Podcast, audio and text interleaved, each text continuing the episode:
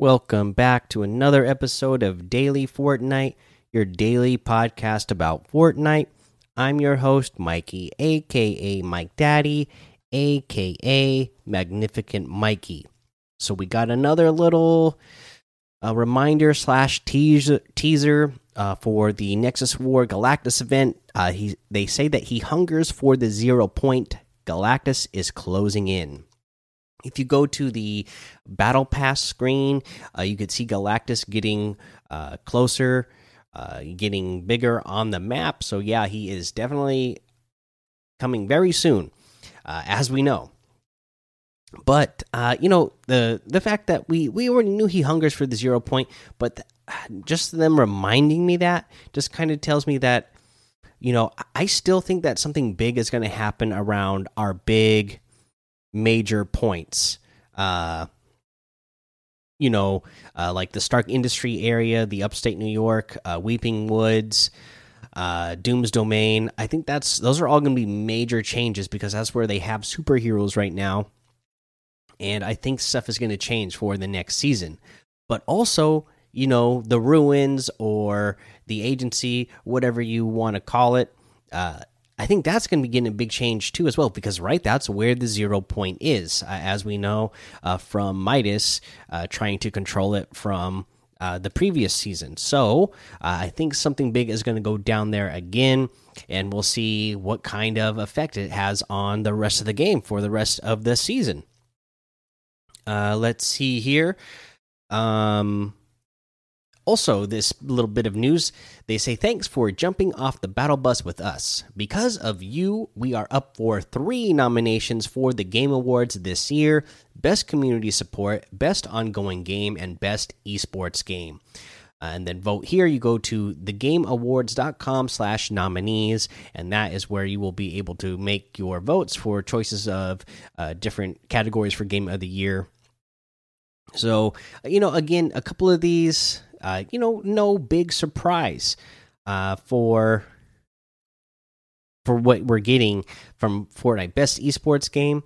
Uh, I mean, I, that could be up for debate, but really, what other game is holding as many events for their competitive community and has uh, as big a prize pool, uh, prize pools as uh, Fortnite? There is no other uh, esports game that is doing that at this moment. I mean, you know, yeah, League of Legends, uh, CS:GO, they have big tournaments every year, right? That are worth a lot of money, but it's like once a year. Uh, Fortnite is ongoing, so that is going. And speaking of ongoing, best ongoing game uh, for my money, yeah, it's still the best ongoing game of the last couple of years.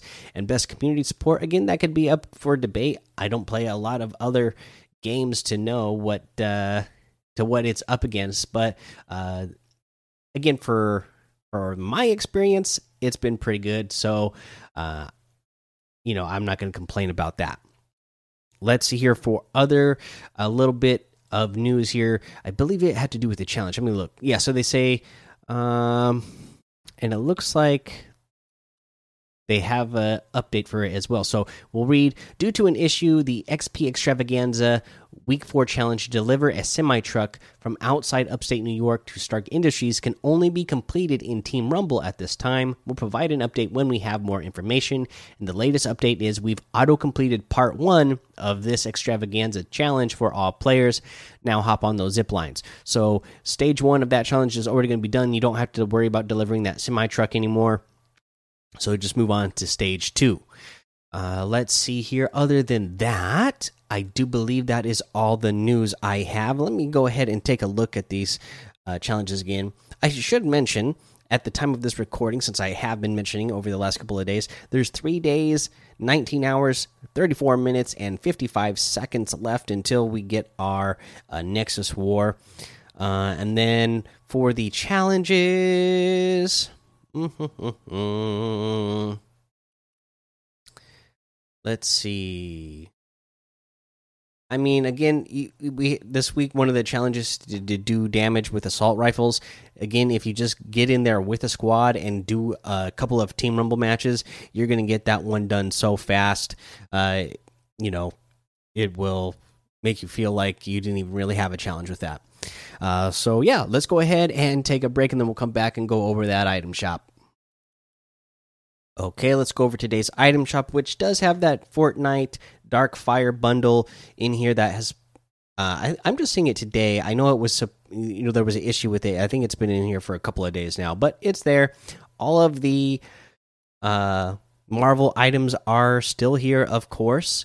Uh, the all the NFL stuff that they added uh, the other day still here, so I'm not going to mention every single one again. Uh, but stuff that they added in new for the item shop today is the Yeehaw outfit with the glitter up emote for 1,500. I like this one.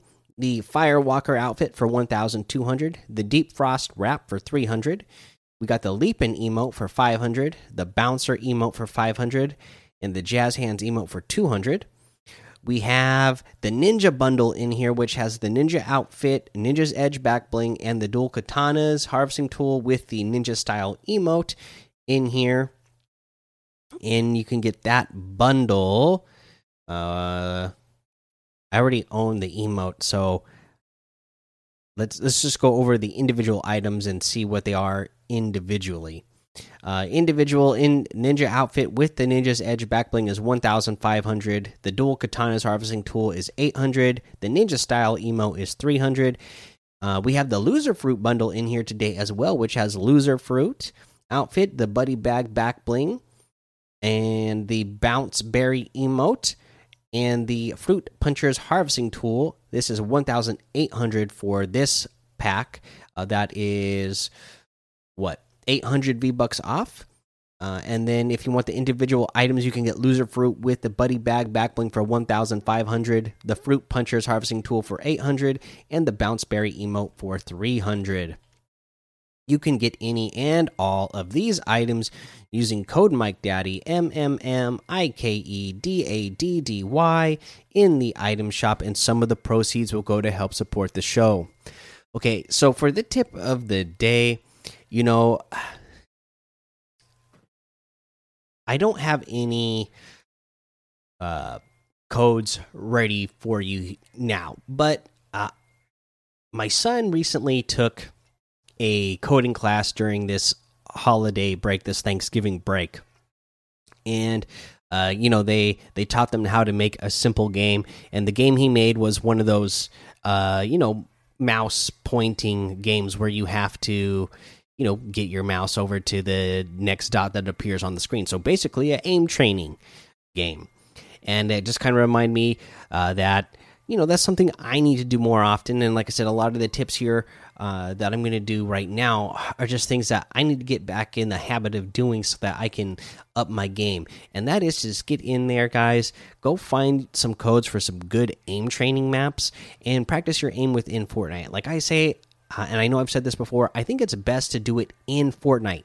If you're playing on PC, yeah, there's other aim game aim training games that you can go play, but if you actually do an aim training course that somebody built in Fortnite, it's going to be so much better because you'll actually be, be playing Fortnite, you'll actually be you know practicing your Fortnite aim because Fortnite, you know, it doesn't work like any other game specifically. You know, you're going to have to deal with the bloom and deal with the first shot accuracy um you know uh and different weapons that's the other great thing about doing it in Fortnite, right? Is that especially if you find a aim training course that allows you to select uh, your weapons and select different weapons, then you can really practice uh, and hone your skills in with each individual item in Fortnite and really get a feel for each weapon's individual bloom and just how it reacts. So uh, that's what I suggest doing just to uh, get your aim honed in there so that you can uh, lock in more of those eliminations. All right, guys, that's the episode for today. So go join the daily Fortnite Discord and hang out with us. Follow me over on Twitch, Twitter, and YouTube. It's Mike Daddy on all of those. Head over to Apple Podcasts, leave a five star rating and a written review for a shout out on the show. Make sure you subscribe so you don't miss an episode. And until next time, have fun, be safe, and don't get lost in the storm.